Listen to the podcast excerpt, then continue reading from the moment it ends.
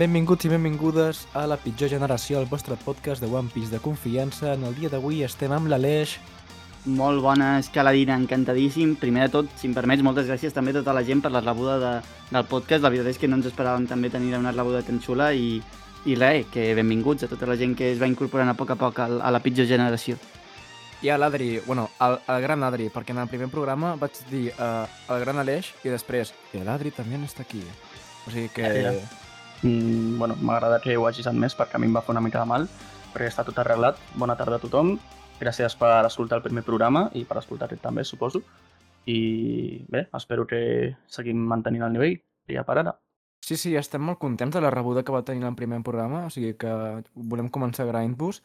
I bé, en aquest programa no és un programa a l'uso, no és una review, sinó que estrenem secció, que és Camí a Raftel, i bé, en aquests programes el que farem serà parlar de d'altres coses que no siguin dels capítols, sinó que potser parlarem de, de diferents sagues de One Piece, farem anàlisis o parlarem d'altres coses que, per exemple, avui farem un programa dedicat a live action perquè fa uns dies ha sortit un nou tràiler i hi ha un munt de coses a explicar i doncs avui parlarem d'això. Sí, a més també crec que és una cosa que realment arriba molt al mainstream i ja entra una mica més en matèria del live action, però tot i així serà una mica un calaix de sastre també, creiem que que també tot just la nostra generació vam veure One Piece sobretot en català i ens hem criat així i també tenim molta estima, no? Aquells primers arcs tenim a Alice Blue, Arabasta, Skypiea, a Water 7 inclús i crec que també farem una repassada també quan Oda doncs, doncs descansi, pel, doncs tingui els seus descansos. Sí, o sigui, quan ara farem anàlisis del tràiler i suposo que més endavant, quan ja hagi sortit el live action en si, que és en un mes pràcticament, comentarem en un altre episodi una mica tota la sèrie, aunque serà difícil comentar els vuit capítols en un episodi, però sí és el que comentes, Aleix, que eh, a Catalunya ho hem vist una comunitat molt important, inclús m'atreveria a dir que més que a Espanya, inclús. Eh, I inclús m'agradaria que en algun moment es pogués arribar a fer un doblatge en català del Life Action, perquè no sé si heu escoltat el tràiler en, en castellà, que a la versió, l'he tingut que buscar a Netflix perquè a YouTube no em surt, però és un doblatge que no és el de la sèrie original, òbviament, però està molt bé i, i m'agradaria molt com a, com a persona que, has, que ha vist, que ha crescut veient One Piece en català, el K3, em, arribar a poder veure aquest live action doblat al català. Home, jo crec que el doblatge en castellà del live action és una gran millora respecte al doblatge original de la sèrie, tret de les perles de, del doblatge en castellà que, que tothom ja coneix, ¿vale? de eh, Smoker, tu eres el tio Fumeta, no? Eh, i, I aquestes coses, o, o Usopp eh, musulman, o sigui, aquestes coses mai podran ser superades, però eh, bueno, aquest doblatge sembla pues, que estarà a l'alçada com a mínim. I Exacte. us heu mirat el tràiler, no? Pel que m'esteu dient, l'heu vist, heu, heu fet els deures. Òbviament. Me l'he mirat un munt de cops, eh? En plan, m'agrada molt. Sí, jo també he vist que al, a YouTube no està el vídeo amb el doblatge en castellà i t'has d'anar a, a Netflix.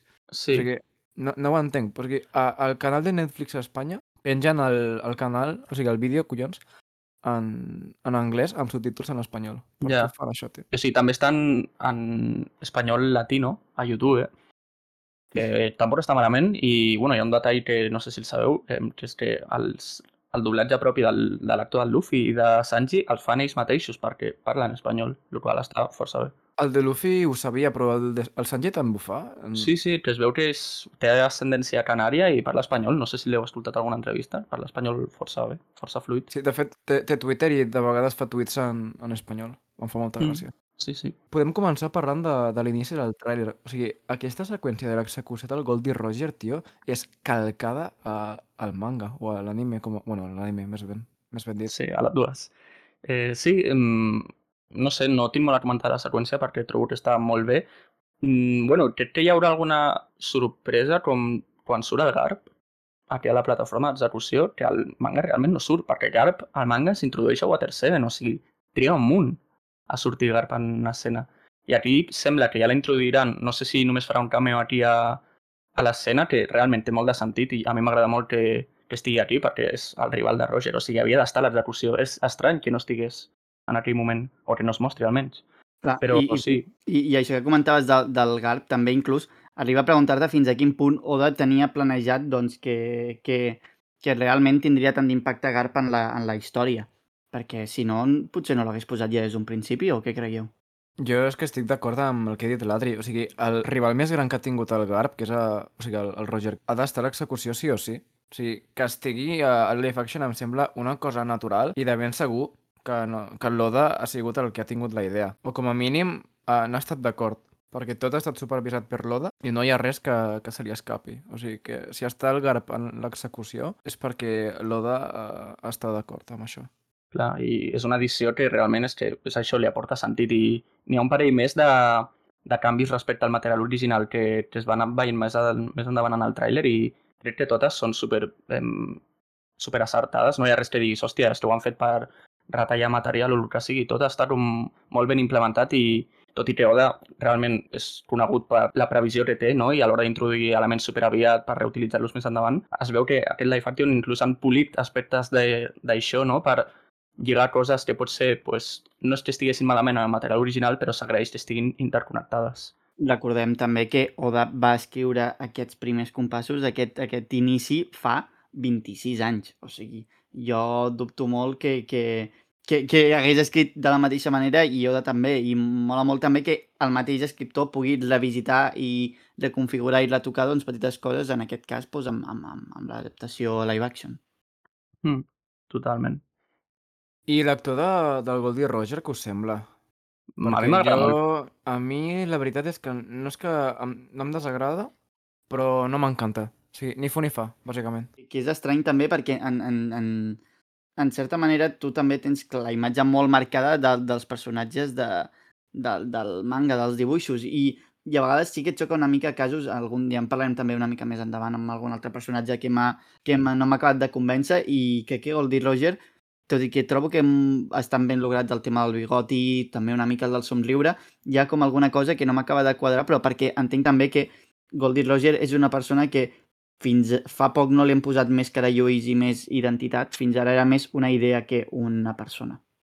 Sí, hi ha una cosa que m'ha agradat molt de, de la caracterització de, del Goldie Roger, que és la brutícia i es, està com una mica fet pols, perquè Sí. recordem que aquest personatge, durant els seus últims dies de la seva vida, estava molt malalt i també va passar els últims dies a, a una presó, potser sense menjar. O sigui que el fet que estigui molt brut a mi m'aporta molt, molt realisme i molta coherència pel que fa a, en aquesta seqüència. Perquè, Sí. per exemple, al manga i a l'anime sí que potser de vegades surten personatges que estiguin com bruts, però no te n'adones tant, o sigui, no es fa tan evident com, com a la vida real. Mm. Sí, sí, és el que anava a comentar, que també aquí el, aquesta escena, que és la seva última escena de vida, em, és el que veiem el Roger més demacrat, no? més gastat, que, que inclús sembla que tingui com les dents picades, més o menys, o això em va semblar.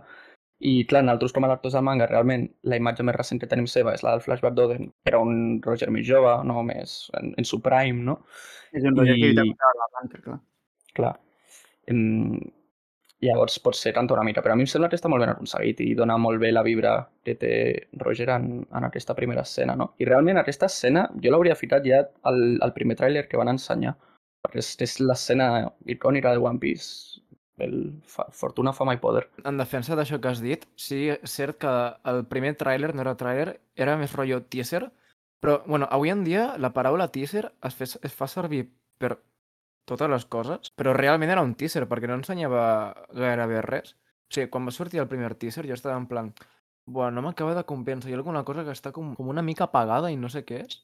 I en aquest cas era l'ambientació, que ja, ja ho han arreglat. Però clar, uh, jo volia veure aquesta escena perquè és la més icònica. Vull dir, tots els capítols de, del principi de One Piece començàvem amb això, tio. I era molt, molt important. narrativament parlant també jo crec que és una de les millors maneres de plantejar una història, de, de posar en context a, a l'espectador també i és, és, és irònic perquè comença amb una mort i o de l'últim que li agrada fer als seus això és matar personatges i tot i així jo crec que queda molt l'essència de l'aventura de, de, de que amb 10-15 segons tu tens clar de què anirà la sèrie. La sèrie anirà de gent desesperada per buscar una cosa que no saben ni si existeix. Encara no sabem què és. Però quan estàveu mirant aquest, aquesta part del tràiler, tio, no, no estàveu pensant en plan com lluny hem arribat a, en el que, pel que respecta a l'obra? Perquè, clar, en aquest moment ningú sabia què passaria després, que, que el Roger aquí ja havia vist el One Piece, que havia anat a Laugh Tale, que, que, ja, que encara no era Laugh Tale, era Raftel, I em sembla brutal, tio, perquè les persones que, que no en sàpiguen res de l'obra, que comencin a mirar One Piece gràcies a aquest live action, en aquesta oportunitat, tenen un munt de coses a descobrir i, i emocions i... Bueno, em sembla brutal això. Sí, o sigui, crec que qualsevol persona que comencés el manga justament quan va sortir no es podria arribar a imaginar les dimensions que tindria l'obra, en plan ja no de fama a nivell mundial, sinó de nivell de que és una obra gegant, no? de, de les dimensions que té, perquè no sé quin era l'estàndard o el canon a l'hora de crear mangas d'aquesta categoria, no? shonen, per gent jove, en aquella època, però realment tan llargs no n'hi acostumava bé ni ara ni abans, de fet ara encara menys. Llavors crec que és, és una experiència molt, molt guai haver seguit One Piece des del principi i veure com, hòstia, un manga que tu potser diries pues, arribarà a tenir 100, 200 capítols, va a nivell que està ara. És aquest creixement que dèiem, no?, de l'autor amb la gent que ho llegeix, la gent que ho veu i la mateixa obra. I crec que també és... I, i ho estava parlant l'altre dia també amb, amb uns pares, curiosament, amb tot això del podcast, que clar, és una obra que, que ostres, que nosaltres portem molts anys seguint-la, però és que hi ha gent que comença ara a veure-la o escoltar-la o llegir-la per primera vegada i tot i així no hi ha ningú que no li, com a mínim, transmeti la sensació de que això és una gran aventura, és l'aventura de la seva vida, en certa manera, dels personatges. I crec que això diu moltíssim d'Oda i la manera en com, més enllà de tenir uns fidels, també d'aconseguir enganxar gent doncs, amb el pas del temps. Jo respecte a això que has dit, en tinc moltes ganes d'intentar enganxar mon pare amb, amb aquesta sèrie, perquè mon pare no és una persona que miri manga ni anime ni res, o sigui, se, se li soa una mica. Però ell sap que, que a mi m'agrada un munt One Piece i jo crec que si li dic de veure aquesta sèrie, que està adaptada a, al que són els cànons occidentals d'entreteniment, vull dir, és una sèrie que, que està produ produint Netflix, jo crec que potser li agrada i tot. O sigui, si aquesta sèrie fa que mon pare sigui capaç de gaudir de One Piece, encara que sigui una mica, per mi ja em sembla uh, una de les millors coses que, que han fet, tio. Sí, sí, o sigui, pot ser una porta d'entrada molt, molt gran per moltíssima gent que té aquestes reticències no? i aquests, eh, aquests prejudicis, podríem dir inclús, al, a l'hora de veure manga, no? Que potser veus i molta gent, no, uns pares diuen pa niños pequeños i, i pot fer canviar d'opinió a molta gent. Això pot estar molt bé. Estic completament d'acord. I abans d'avançar i, i parlar de la següent seqüència, uh, hi ha algunes coses que tinc apuntades. Una és que, no sé si us heu fixat, però el Dragon surt en aquesta part del tràiler. O sigui, hi ha, hi ha una part en la que surt pues, una multitud i a la dreta hi ha una persona que porta com... Hòstia, tio, el meu veí s'ha posat ara mateix a fotre cops de martell. Mira, que ha tingut tot el dia. O sigui, mira, ha tingut a les 8 del matí m'hagués tocat menys els collons que ara. No està d'acord amb el que estàs dient. Bueno, per, perdó, perdó. Uh, tio, puto boi. Uh, sí, estava parlant del, del dragón. O sigui, no se li veu la cara, però tu veus una persona que porta com una túnica verda, que, que és molt semao, i sí, la veritat atenció al sí. detalle, atenció al detalle. Perquè només, només pot ser Dragon, no? O sigui, no hi ha, no hi ha cap escenari possible que no sigui Dragon. És que, en plan, no sé si t'has fixat, Aleix, però és massa deliberat com ja. l'estètica que té tothom a aquella escena i la capa verda, saps? Tant però molt. Alhora és molt semblant al manga, perquè a l'execució del Roger en el manga crec que al principi no se li veia la cara al Dragon, sinó que es veia eh, el seu vestit, que era verd. O sigui que en aquest cas el recurs és el mateix. Sí, l'únic que a l'estar color pues, canta més, no? Però sí, sí. I inclús jo tinc fe de potser arribar a veure no? que més endavant també es mostra que el, a l'execució estaven altres personatges com Crocodile, estava Shanks, estava Moria, Doflamingo... Smoker. Smoker, encara I no potser sabem. el Barto em sembla que també estava, no? Sí, és veritat. Crec que sí. Mm, a veure, no hi ha actors confirmats per a aquests personatges, però seria un detall superguai i inclús una manera de donar esperances per una segona temporada que apareguessin ni que fos un segon. Si arriba la segona temporada jo em faig eh, cristiano o, o, o començo a creure en Déu. Bueno, Nada, com cri soc. cristià ja ho soc, però això de creure, tio...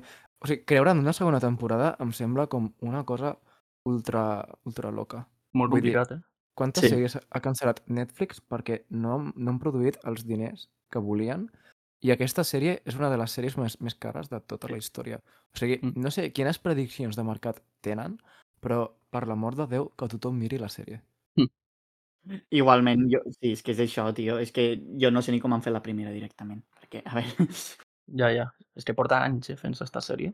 Bueno, abans que l'Oda... O sigui, l'Oda fa molt de temps que volia fer un live action, però no trobava uh, cap empresa o productora que, amb la qual estigués segur o, o que pogués sortir una cosa de, mínimament de qualitat, no? I no sé com ho va fer Netflix, però li va convèncer. I, bueno, una de les coses que figuraven en el contracte entre l'Oda i, i la producció era que qualsevol cosa que l'Oda no li agradés o, o no, no, no estigués d'acord, que o bé no sortiria aquesta cosa o que fins que a ell no li agradés la sèrie en general, que no sortiria a la llum. Ja, ja. O sigui, Això parla molt de, del resultat final, no, realment? O sigui, és algo amb el que el propi autor- està d'acord?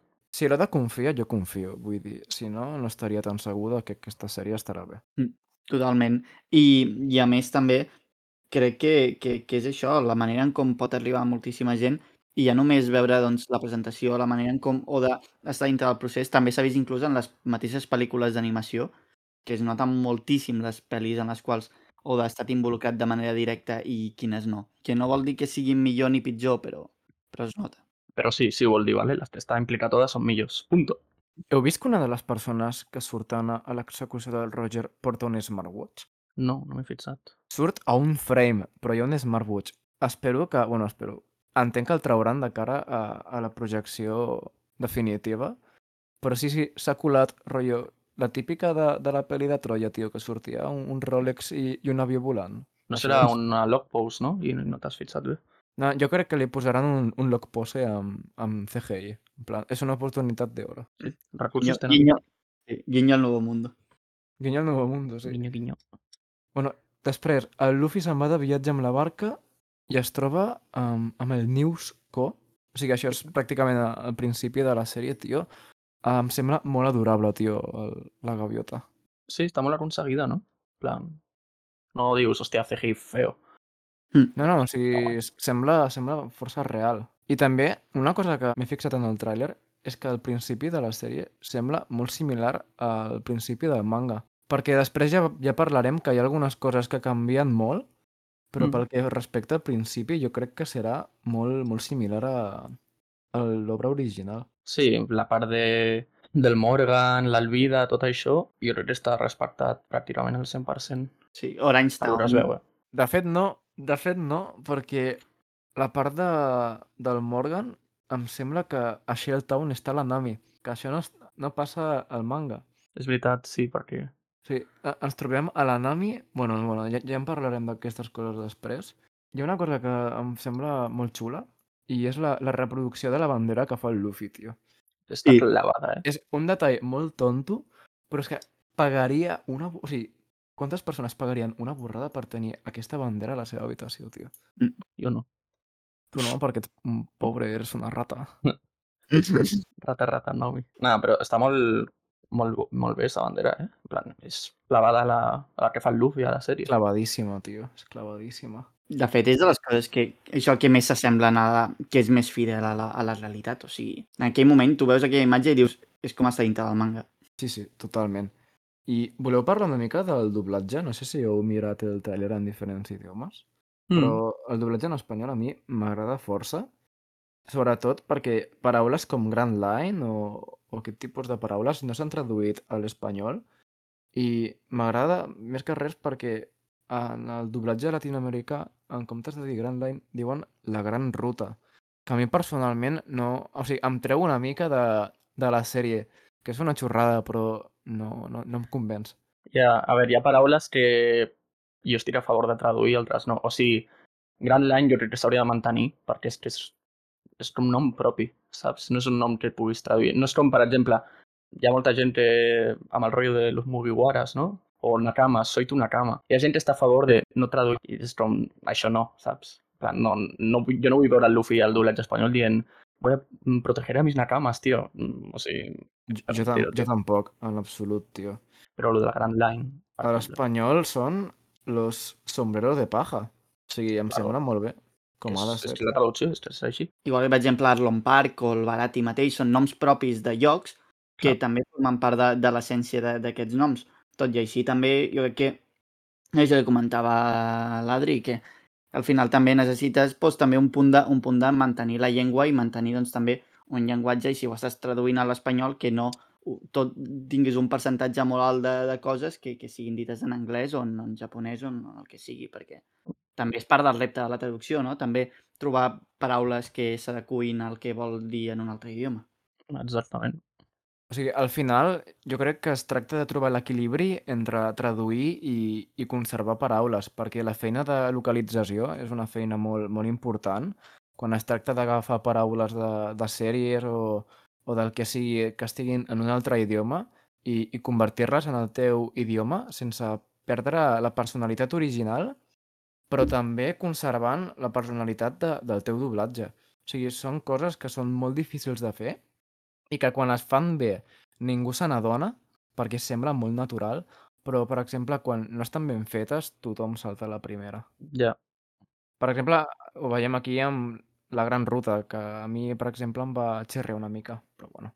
El doblatge en latino està molt bé perquè té l'Iñaki Godoy fent de si mateix i, com ha dit l'Adrià abans, eh, està també el, el Taz Skyler fent de Sanji, no? Mm, sí, sí. Sí. El latino i l'espanyol, eh? Estan els dos. Ah, la... espera, l'espanyol també fa el... L'espanyol d'Espanya, vull dir, no... Ja m'enteneu, però sí, sí. A l'espanyol espanyol el Sanji també fa de Sanji. Sí, i el Luffy de Luffy. Els No, el, no, el Luffy a l'espanyol no fa de... No? Que va, si l'accent és... A mi em va semblar que sí, eh? Home, No o, o, o, o, o té una gran capacitat per convertir l'accent a, a l'espanyol o... Hòstia. Quién sabe. Um, coses que també hem de parlar. A l'arc d'Orange Town, que era l'arc on arriben a, al poble aquest, on està el Buggy i la seva tropa, aquí sembla que ens trobem amb un circ que no està al... O com a mínim jo no recordo al manga original. O sigui, la introducció del Buggy es farà en un circ i si és a Orange Town o no, no ho sé. Jo, Mm, i, jo, jo crec que sí. Mm. Jo crec que sí, i estic, a més, més estic a favor perquè al final tu, ostres, estàs en una, estàs en una sèrie de 8 capítols o els que siguin. Necessites presentar els personatges ben muntats i crec que poder-lo muntar al Bagui en un espai on se l'entengui més, sàpiga, se sàpiga qui és, què fa, doncs crec que aporta molt més a la sèrie perquè han d'anar directes a, a Pinyon. Què us ha semblat el Buggy a vosaltres? Que la caracterització i, bueno, les vibres. A mi m'agrada molt. Crec que estic dient que m'agrada molt tot, semblo molt fanboy, però és que realment per ara tot el que hem vist m'agrada molt. L'actor sembla guai, o sigui, m'agrada perquè dona la vibra que dona Buggy al principi de la sèrie, que és un personatge amenaçador, no? que inclús abans d'arribar al Grand Line ja apareix un parell de cops i dius, hòstia, serà villano recurrente, no? Inclús pot ser com el Team Rocket una mica, les mismes vibres, i després ja va evolucionant a el que acaba sent Buggy a la sèrie, no? És Dios, pràcticament. Però aquesta primera part de la sèrie m'agrada que doni aquestes vibres amenaçadores, no? I l'actor ho fa força bé, per lo que he vist. A més, m'agrada perquè Baggy és literalment el meme del cavall aquell que comença mamadíssim i acaba fet merda, doncs al revés. O sigui, comença mamadíssim i acaba mamadíssim. A mi m'agrada molt. Baggy és un personatge que li dona un toc molt divertit i a més això que s'adapta molt al moment, saps? Clar, al principi doncs, el Luffy és un mitja merda en tots els respectes i és una amenaça per a Baggy, però quan arriba un punt on ja no ho és, doncs la història també te'l porta a veure'l d'una manera diferent. Dit això, m'agrada molt la manera en com es conserven els poders, això quan se li veuen la, les parts del cos volant i això. I la cara no l'acabo de trobar del tot, però sí que em sembla que l'actuació pot aportar molt aquí. És una mica el Joaquín Phoenix de, de, de, de One Piece i, i res. Jo crec que, que em, sembla, em sembla un dolent molt, molt, molt ideal per, per, per combatre, també per al punt aquest de no sabem bé de què és capaç o de què no és capaç Buggy. Si em permeteu, he d'obrir un meló respecte a les llicències narratives i canvis del guió. Perquè això és una cosa que ja volia parlar des de fa molt de temps, bueno, des de fa molt de temps, quan ha sortit aquest tràiler, ¿vale? i és que l'Arlong surt al Baratier, l'Arlong surt a l'Orange Town al circ del Buggy. Potser no, no ho heu vist, però surten en aquestes dues escenes i això són canvis per mi superimportants o canvis molt dramàtics i em fa l'efecte que, clar, han d'adaptar tota, tota aquesta saga en vuit capítols televisius. Em sembla normal, però també hauran de fer alguns canvis respecte a, a l'armadura del guió. I jo crec que el que faran serà convertir l'Arlong com en una amenaça constant que estigui perseguint eh, els Mugiwara des de gairebé al principi de la sèrie fins que arriben a Arlong Park. Mm, sí i no. O sigui, bueno, jo primer m'havia fixat en el del Baratier, que no, crec que no és l'Arlon, crec que és el, el Kurobi, no? El que surt, que es pega contra Són el Sanji. dos. O sigui, surt el, el Kurobi, que el Sanji li intenta estomacar, Sí, però després hi ha una escena en la qual surt uh, el Luffy volant per, la, per una porta, sí. És del Baratier, també. és la porta del Baratie, perquè ho, posa, ho posa allà, Baratie. Mm, val, val. Clar, Hòstia, sigui, pues, guai. Home, jo és una mica el que he comentat al principi, que estan intentant interconnectar diversos aspectes, no? Diver- diversos elements, i a mi m'agrada, la veritat, aquest aspecte, que l'Arlong ja sigui això que dius, una amenaça des del principi. Em, és guai, en plan, no sé com ho acabaran de fer, perquè si apareix serà com el Luffy voldrà anar a donar-li d'hòsties, no? I no podrà. I llavors no sé com ho faran en tantes ocasions, no? El que està no només l'Arlong, sinó part de la seva tripulació, com faran per, per treure'l d'allí sense que acabi en, en la batalla final. No sé, però m'agrada perquè és, també l'Arlong es comentava al, a la sèrie que, que volia ser com el conquistador del, de l'East Blue, no? Volia ser com el rei, dominar tot una mica, muntar-se el seu imperi. Llavors que tingui presència allà, no només Arlong Park, que a la sèrie només surt Arlong Park i no fa res més. A mi m'agrada aquest aspecte. Li dona més veracitat a les seves ambicions. pues jo estic una mica, o sigui, estic una mica amb el cor dividit, que, o sigui, estic encara una mica a l'espera de com funciona dintre de la sèrie l'aparició d'Arlong en diferents espais, perquè entenc això, però alhora en un trailer, saps, també se'm fa una mica complicat imaginar-m'ho i vull saber ben bé quin pes té, perquè també entenc per altra banda que el Luffy ha de perdre algun combat, o sigui, durant la saga de l'East Blue el Luffy no ho comença a passar una mica malament fins que no lluita gairebé contra, contra, contra l'Arlong entenc que també doncs, doncs està bé que en algun moment doncs, el Luffy ho passi malament i que, que Arlong pot ser el, aquest personatge. o sigui, abans d'arribar a l'Arlong hi han d'haver-hi moments dramàtics en el qual l'espectador que no conegui què passarà dubti de si el protagonista podrà guanyar o no, dep depenent de, de qui s'estigui enfrontant. I el que més m'interessa de que aparegui l'Arlong i el Kurobi al Baratier és la gran absència de Don Craig i del Jin, que el Jin és un dels secundaris més glorificats, que té molt poc temps uh, a la manga, però que hi ha moltes persones que són superfans d'aquest paio i hi ha persones que ens pensen que continua viu i que potser tornarà a sortir del manga. Home, Sí. jo viu, crec que està. Que apareix ja no sé, però jo me'n recordo, tio, quan vam començar a veure el manga Els Pirates de les Bèsties, hi havia un munt de gent que deia ehm, el Jin serà un dels comandantes bèstia o alguna així? Hi havia gent super flipada. I m'hauria agradat perquè, jo què sé, tenia la promesa d'estar amb el Sanji de tornar a veure's, però si ja no ha tornat a aparèixer aquestes alçades, no ho veig. La teoria més tranquil·la d'un fan de Jin. Cuando dejas a un fan de One Piece una setmana sin capítulo, tío. No, no Però- sé, però... Em sembla que, que han d'aparèixer, o sigui, jo, jo crec que sí, eh? ha- han de sortir perquè el Baratier no és el sense aquests personatges. No sé com s'ho manegaran per fotre tot aquest contingut eh, en aquests capítols, però barrejar els Gyojin amb els personatges d'aquest arc, no sé si és compatible i si ho és, entenc que han trobat la manera de fer-ho, perquè jo no sé com, com portar aquest tipus de trama d'aquesta manera. Ja. I a més afegint que tens literalment a un dels Ichibukais més forts allà plantat al Barati. O Sí, sigui, sí. no pots posar, no pot ser que Arlong i el Mihawk apareixin alhora al Barati. És que no pots perquè quin sentit té que no s'arribin a pagar, saps? És que no Clar, tindria cap mena de sentit. Ja juntes a, a Zed, ajuntes, encara que no estigui al, això, al, al, al Creek, i a, i, a, i a Mihawk, a Zoro i a Sanji, i com no s'han de pagar, com no s'han de rebentar host- al, al Barati. Bueno, Zoro es pega contra Mihawk. Sabemos cómo acaba, però... No, però Don Rick té actor confirmat, eh? O sigui, apareix, apareix, No. apareix. A apareix, crec que com a mínim l'he vist en un pòster d'aquests del Wanted, però actuant jo no l'he vist encara. No, jo tampoc, però jo vaig veure que té actor confirmat. Així que... El Jin no. Així que l'igual se l'han saltat. Que I no. l'altre de la tripulació del Don Rick, el Pearl, no? L'hombre Perla ese. Ese segur que n'hi apareix, però... Sobre el que estava dient l'Aleix de, del Mihawk i de l'Arlong, em faria molta gràcia que el Mihawk es trobés a l'Arlong i digués hoy se cena familia, tio. Està ahí a la planxa, tio. Clar, o sigui, I se- tanga, se'l no? carrega en... S'acaba Arlong Park i s'acaba el Barati en, en mig segon, tio. És literal. És això, a veure com han No, enrellesat nos tot. acabamos de quedar sin live action, t'imagines? Se- Se'l carrega. The end. Ja no van a Arlong Park. No sé, però a veure. A veure com han lligat tot. És això. Vale, doncs hi ha coses que també em semblen molt, molt importants, que és la caracterització dels personatges i l'ambientació. Perquè en el primer teaser jo dubtava molt de si aquest live action respiraria One Piece o no, però després de veure el tràiler jo he canviat totalment d'idea i estic super content de com han aconseguit transmetre el que són dibuixos de manga a, a la gran pantalla. Perquè, hòstia, és que l'atenció al detall és demencial.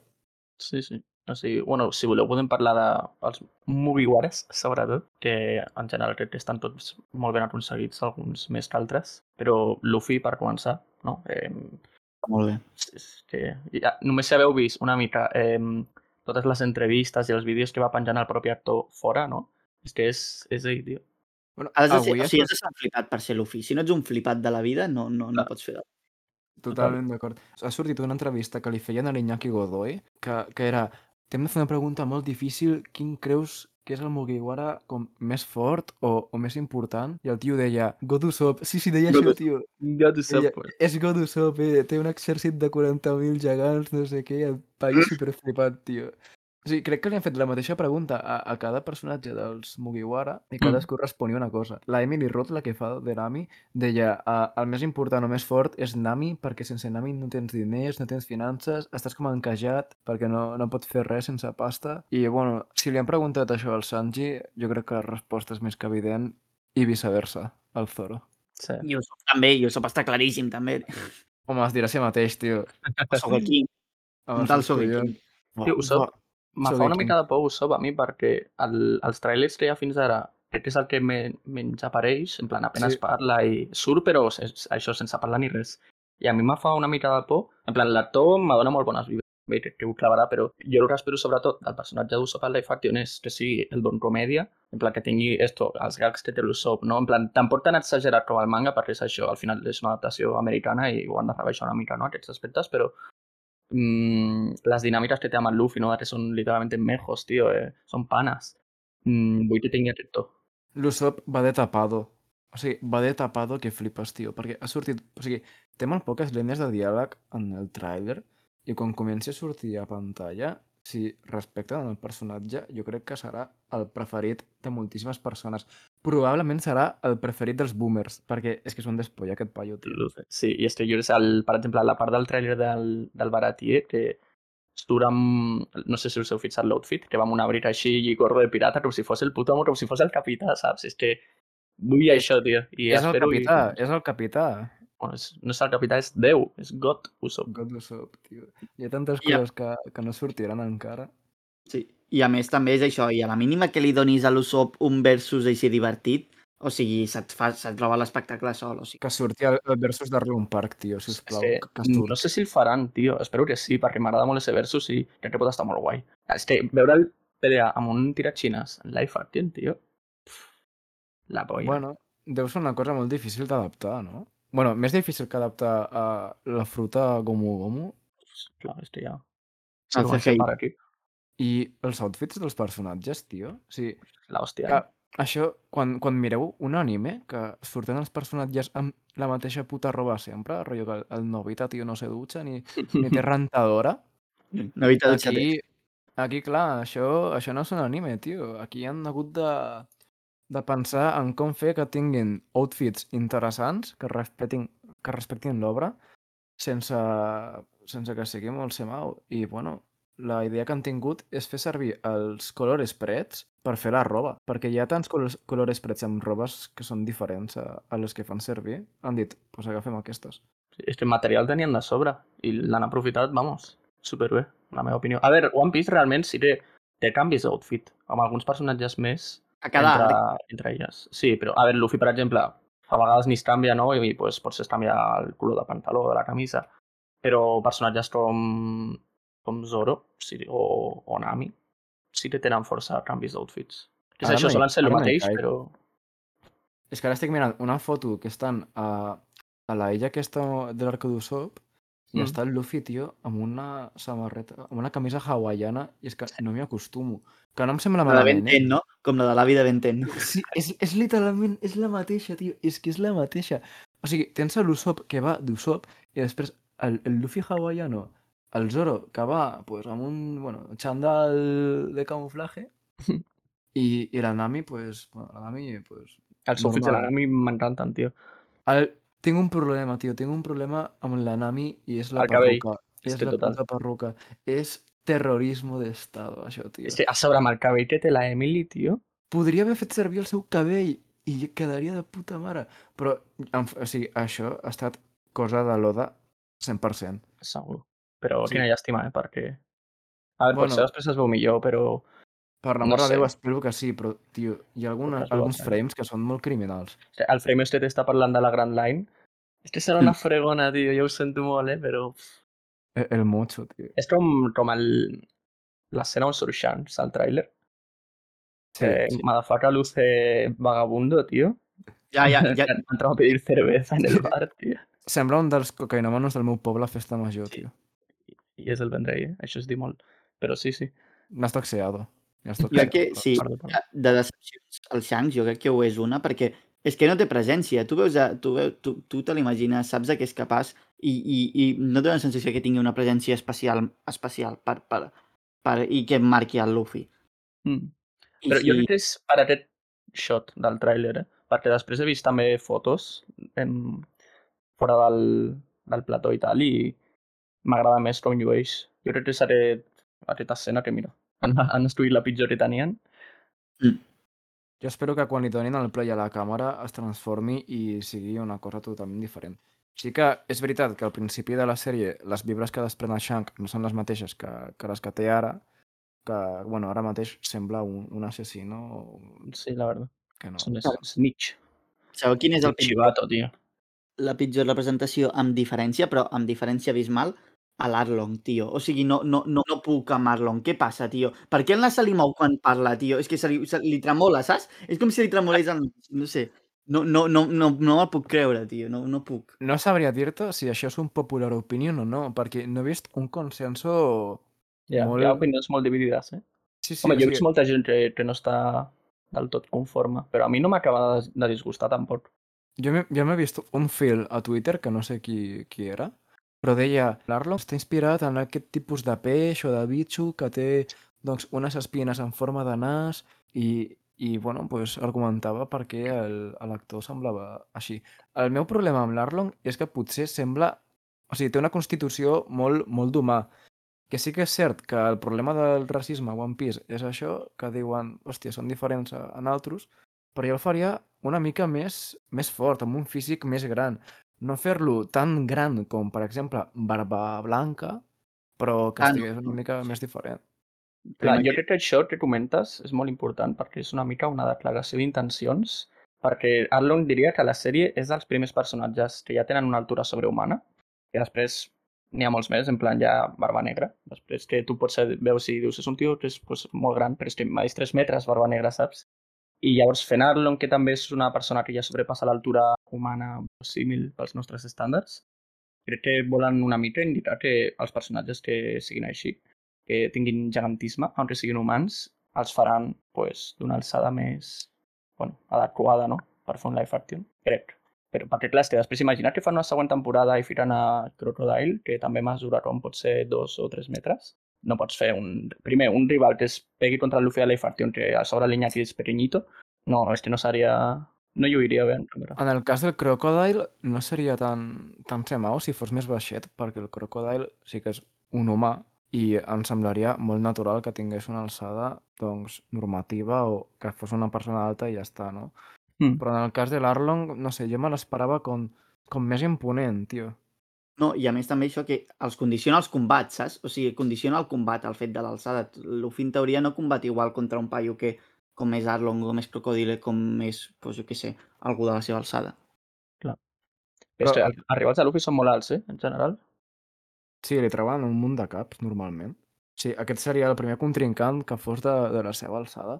Però a- ens estem flipant o realment hi ha algun frame on l'Arlong sembli molt petit? Nah, jo no crec. En plan, jo crec que és alçada humana. Potser és un paio, perquè l'actor té pinta de ser molt gran, però pues, això pot ser un paio que mesura entre metre 90 a 2 metres. Que ja està bé, al final... A veure, els, al final Gyojin són hombres pez, però són hombres, no? En plan, tampoc són gegants, no són gigantes pez. Així que, no sé, per mi ja està bé així, no sé, no ho veig tampoc com a, com a algo tal. Si em dius que Kaido arriben al punt on apareix Kaido i el fan que mesuri dos metres, doncs potser diré, hòstia, eh, ridículo, no? Home, jo crec que ab- abans que arribin a Wano, a, el, el cast ja s'ha retirat i està jubilat, tio. Pot ser, pot ser. Ja no estaremos en este mundo. Ja Els- no els- però- Hauran de fer amb CGI, tio, com a, a la de Star Wars i a la pel·li del Flash, que jo no l'he vista perquè passo olímpicament.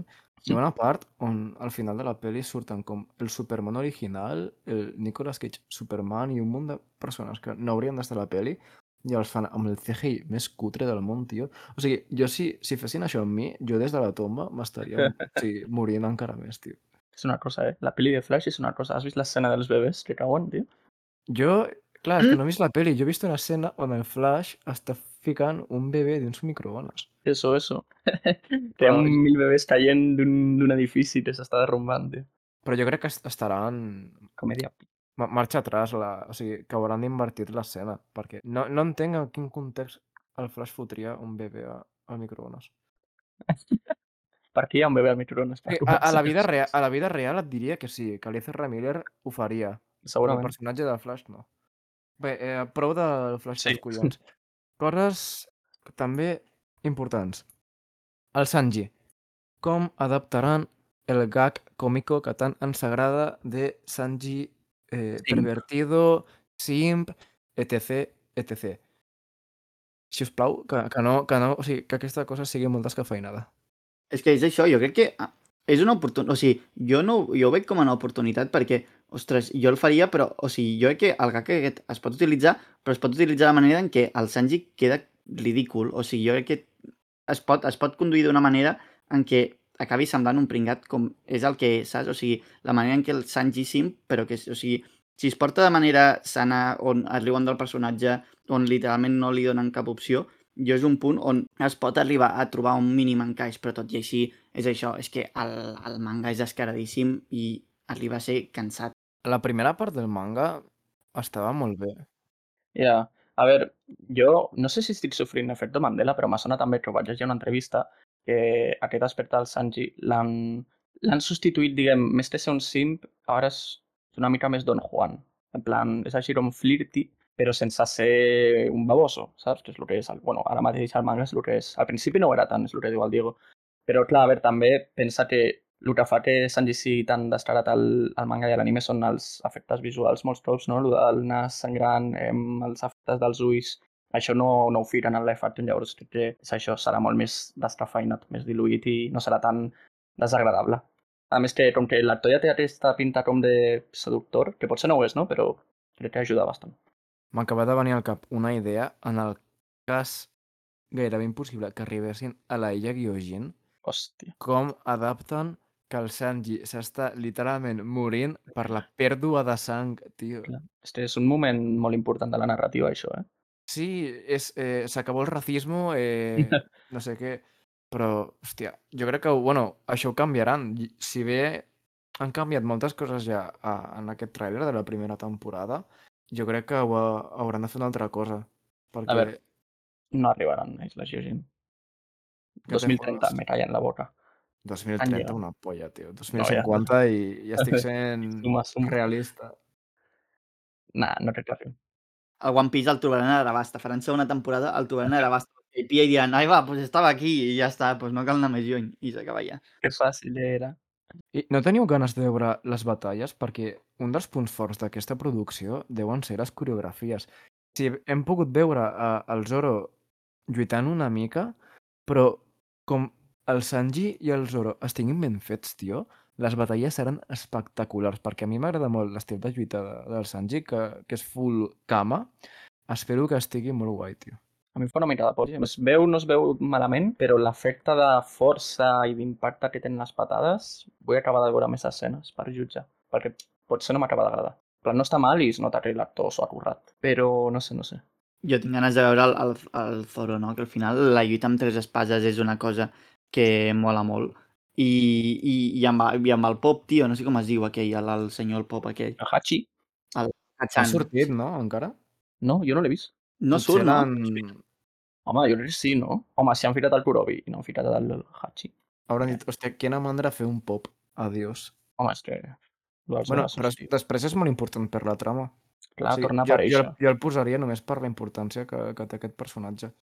I una cosa que em sembla molt xula també és que um, al principi em feia por que no hi hagués res de sang ni una mica de brutalitat, però al tràiler podem veure com quan el Zoro està lluitant, que, bueno, els enemics sagnen. Que, que és una xorrada, eh? Però a mi m'agrada molt veure sang en, en les sèries i en qualsevol mitjà d'entreteniment, perquè si no, tio, eh, me, me pincha si no sangro, això no mola. Nunca mejor dicho, no? Sí, Ja. sí. A veure, One Piece no és la sèrie més gore que existeix precisament, però algo ha. Aunque jo el trailer no he vist, eh? No m'havia fixat, després ho tornaré a mirar. sí em sembla que és quan, quan arriba a Arlong Park, bueno, ja, ja, ho- ja ho veuràs. Tio, Arlong Park és una passada.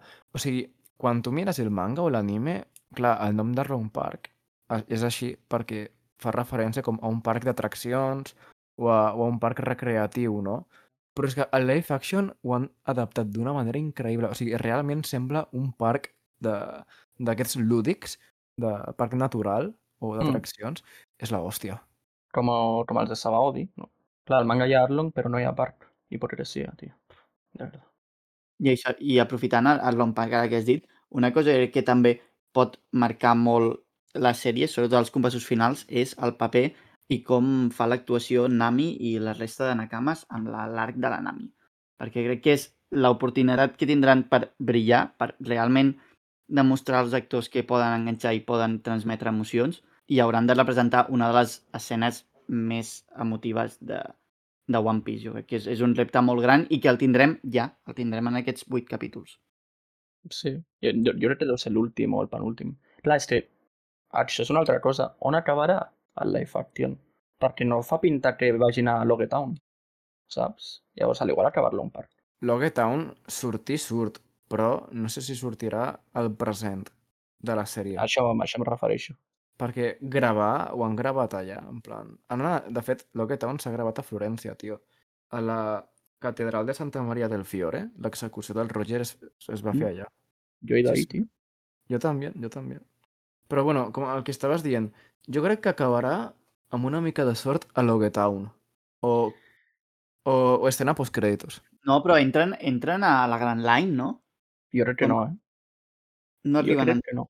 És que la sinopsi de la sèrie crec que ho posava, però és que ara no, no, no, no ho sabria dir. Bueno, ja estan filtrats els títols de cada capítol, amb això pot ser, ho pots intuir, però diria que no, eh? Jo crec que no entraran a la gran... I a Logetown ja ho veurem.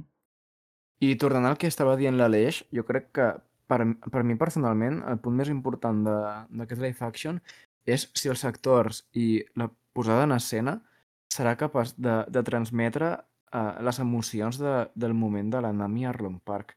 Vull dir, si no em fa plorar, jo crec que serà una... Bueno, no un fracàs, però que no ho han adaptat prou bé. És més, mira, jo és que a sobre és una crítica això. Jo no ho hagués posat al tràiler aquest moment en què li posa el barret a la Nami. Sincerament. És, sí, sí, Però és un moment molt, per- Jo crec que és un moment per posar la mel a la boca als fans, perquè si no t'has vist la sèrie, Em sembla una cosa que jo no l'hagués posat al tràiler. Encara que les persones que no s'hagin vist One Piece no ho sàpiguen, no ho sé, jo m'ho hagués reservat. De totes maneres, fins que no mirem la sèrie, sense la música i els diàlegs, no, no serà igual de... Sí, no impactarà tant. ja, ja ho veurem. A mi també em fa mal que...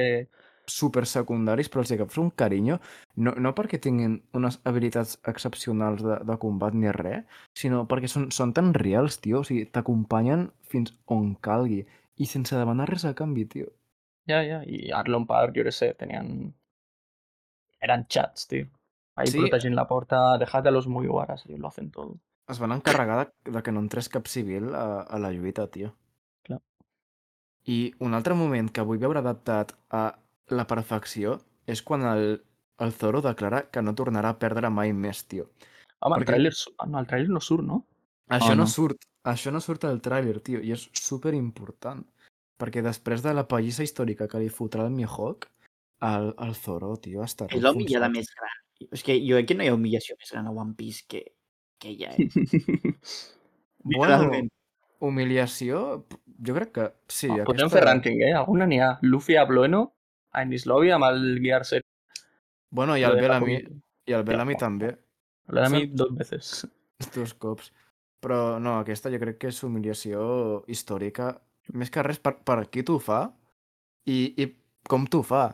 Perquè no és el mateix que et clavin un cop de puny molt xulo, com li fan al Bellamy, però, Mm. clar, o sigui, sortirà el Mihawk, dirà, buah, l'espasa negra, no, no em ve de gust. Agafarà una navaja de Albacete, de, Suïssa, con no? denominación de origen, clar, na, navaja de Albacete eh, i, i se la pela. Però això com, com, ho- com ho adaptaran, tio? Perquè lluitar amb una navaja... Ja. Perquè és que, clar, al manga i a l'anime mola, però a la gran pantalla no quedarà com una mica cutre, tio. O sigui, és que no, no es veurà la navaja, és molt petita.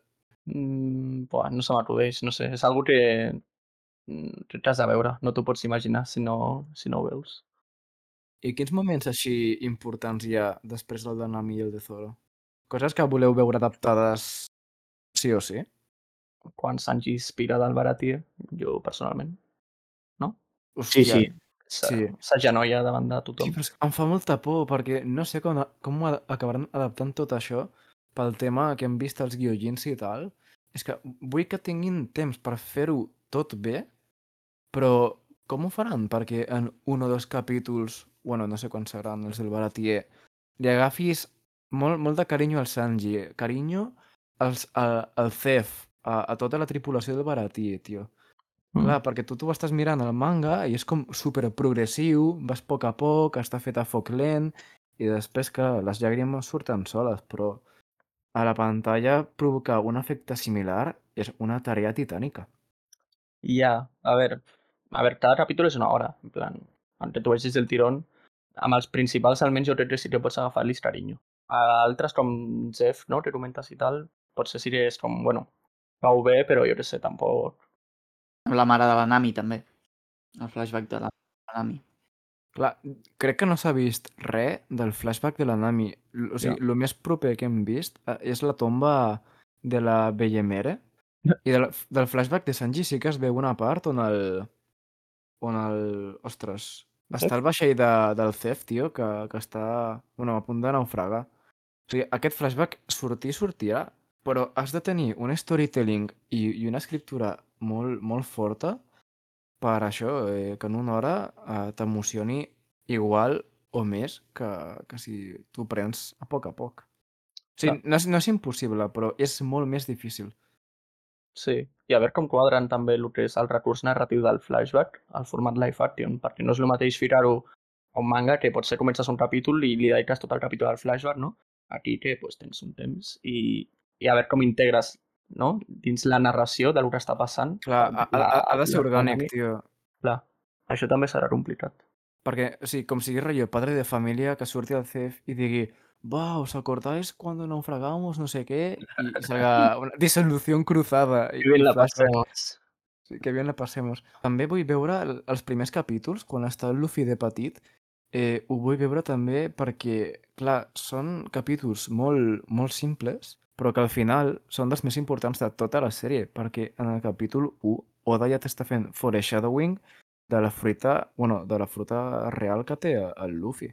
I dels seus comportaments, i de com riu, i de com feliç que està. Totes aquestes coses, tio, les vull veure reflectides. I molaria molt algun guinyo a, a l'estat actual del manga. O sigui, no de manera explícita, però alguna cosa que, que els fans que estiguin mirant el manga ho entenguin, saps?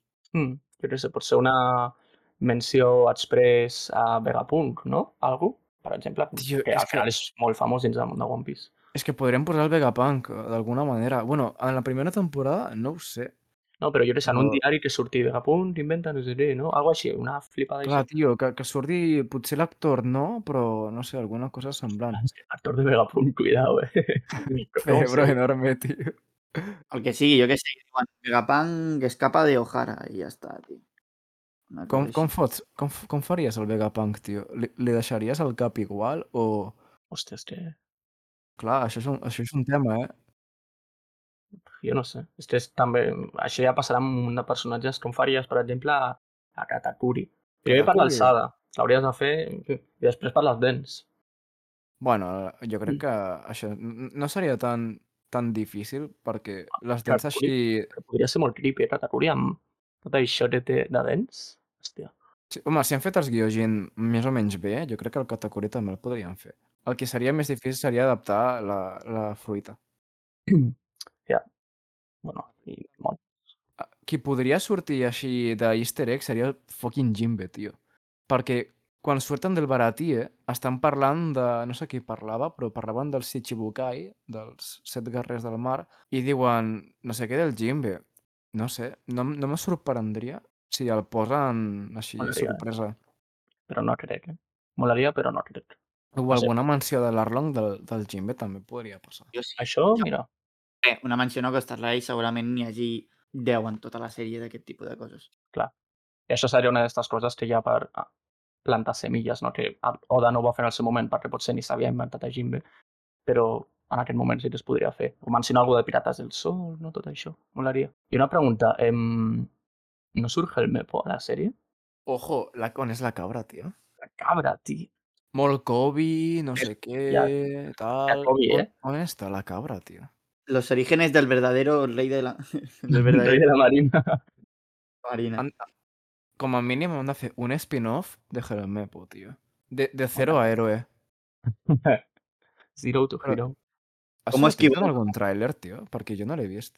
No, i no, que tampoc me sona haver vist que tingui actor. Llavors, Sí, no, igual. crec, crec que sí que, que té actor, Ah, ja, però, doncs, Si té actor, a mi em serveix amb això. Saber que sortirà, saps? però clar, quan, quan surti Helmepo serà abans de ser el absoluto chat.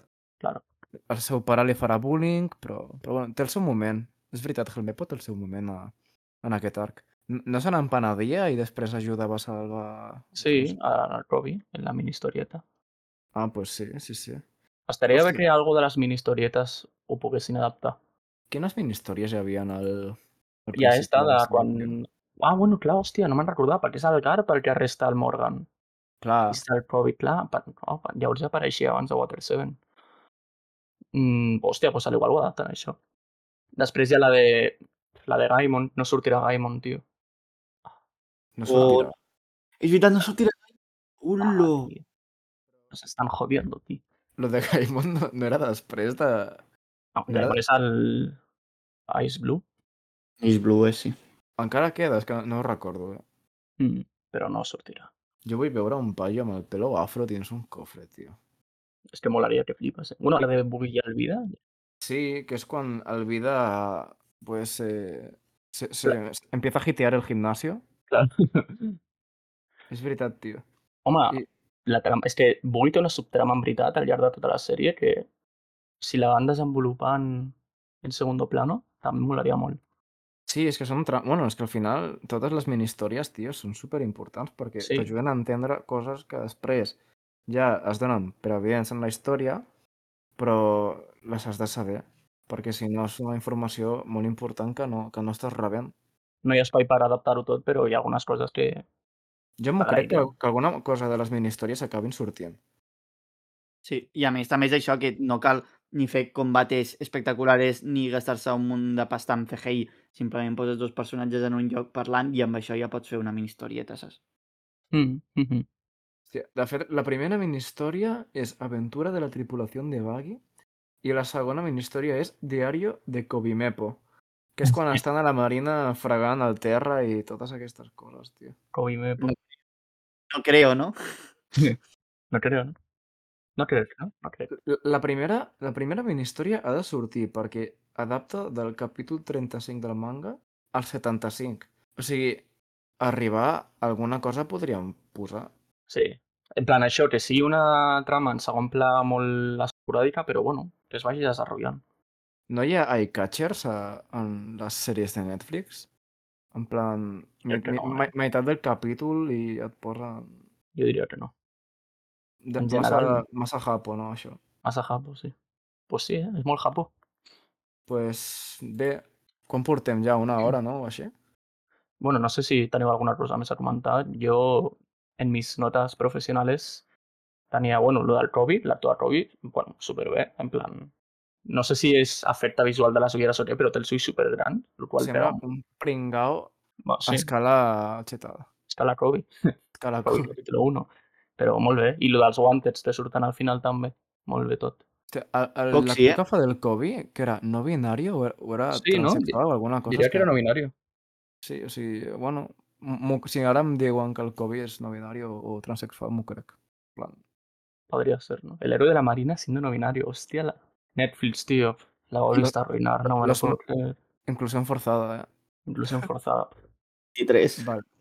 Vale, i sí, uh, els cartells de Wanted estan molt bé, perquè hi ha un moment en el qual surten alguns quants i està el del puto Foxy, tio. Ja ves, eh? En plan, de tots els que hagin ficat, que estigui Foxy, tio. A Us això ja imagineu és... Davey Back- Backfight al live action?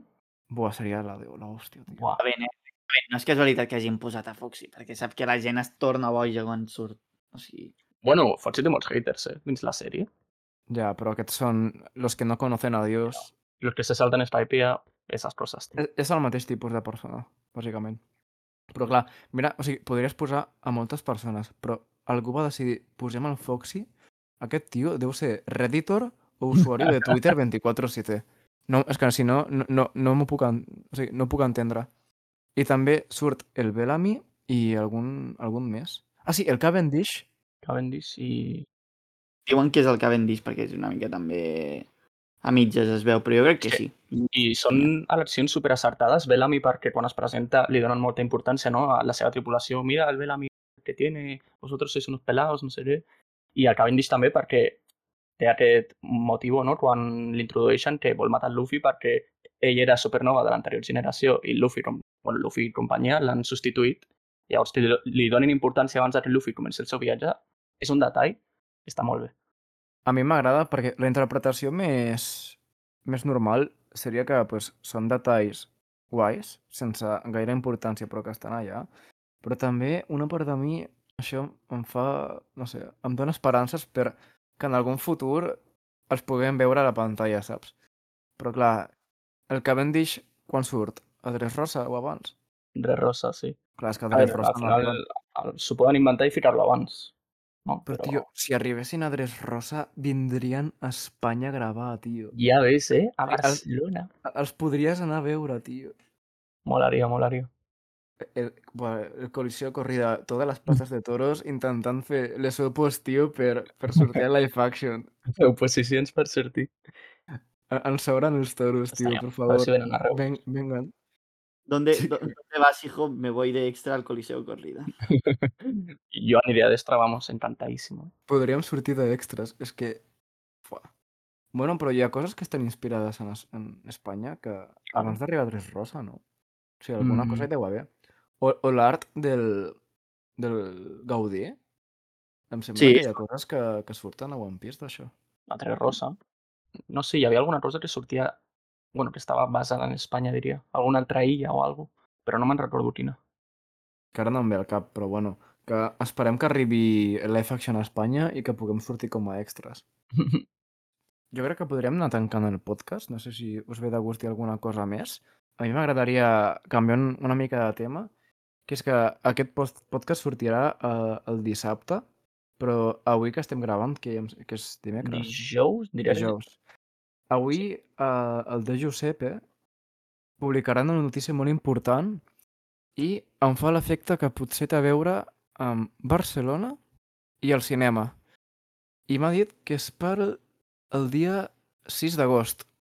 No sé si en teniu algun plan per aquell dia, però jo us recomano que no.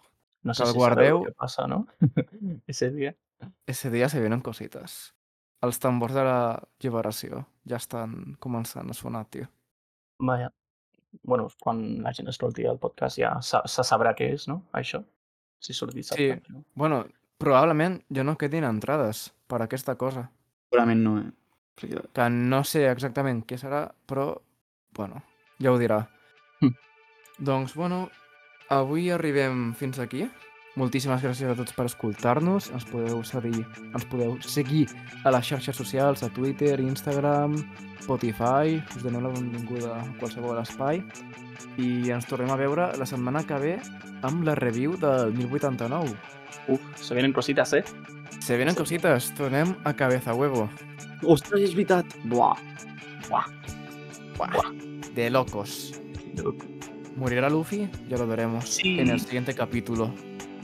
En fi, penya, ens veiem, vale? I merci per escoltar-nos. Adeu. Adéu. Uh,